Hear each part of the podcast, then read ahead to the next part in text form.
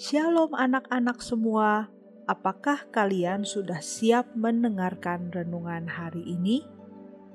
Renungan hari ini berjudul Kasih Tuhan Tanpa Syarat dari Yeremia 31 ayat 3. Apakah kamu pernah memiliki anjing? Jake punya seekor anjing dan dia mencintai anjing itu. Namanya Heli. Dia adalah anjing putih kecil yang lucu dengan telinga hitam dan bintik coklat di tengah punggungnya. Dia memiliki ekor kecil yang lucu yang melingkar di punggungnya. Jake akan memberikan makan dan minum setiap hari.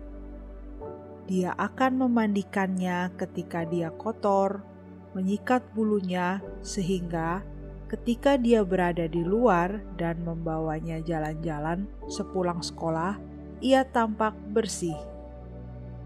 Jake sangat mencintai Haley dan dia menunjukkan padanya bahwa dia mencintainya dengan merawatnya. Bahkan ketika dia kotor dan berperilaku buruk, dia masih mencintainya. Menurutmu, siapa yang menjaga dan mencintai kita, bahkan ketika kita berbuat salah? Orang tuamu tentu, ya, tapi siapa lagi ya? Ya, Tuhan melakukannya, dan Dia juga mengasihi kita. Tuhan mengasihi kita tanpa syarat. Tahukah kamu apa artinya mencintai tanpa syarat? Kata tanpa syarat berarti tanpa batasan, sempurna dalam kualitas atau sifat. Itu berarti bahwa cinta Tuhan tidak terikat dan tidak ada yang bisa kita lakukan untuk mendapatkannya atau kehilangannya. Kasih Tuhan tidak pernah berubah tidak peduli apa yang kamu lakukan, kamu tidak dapat membuat Tuhan mengasihi kamu lebih dari yang Dia lakukan saat ini.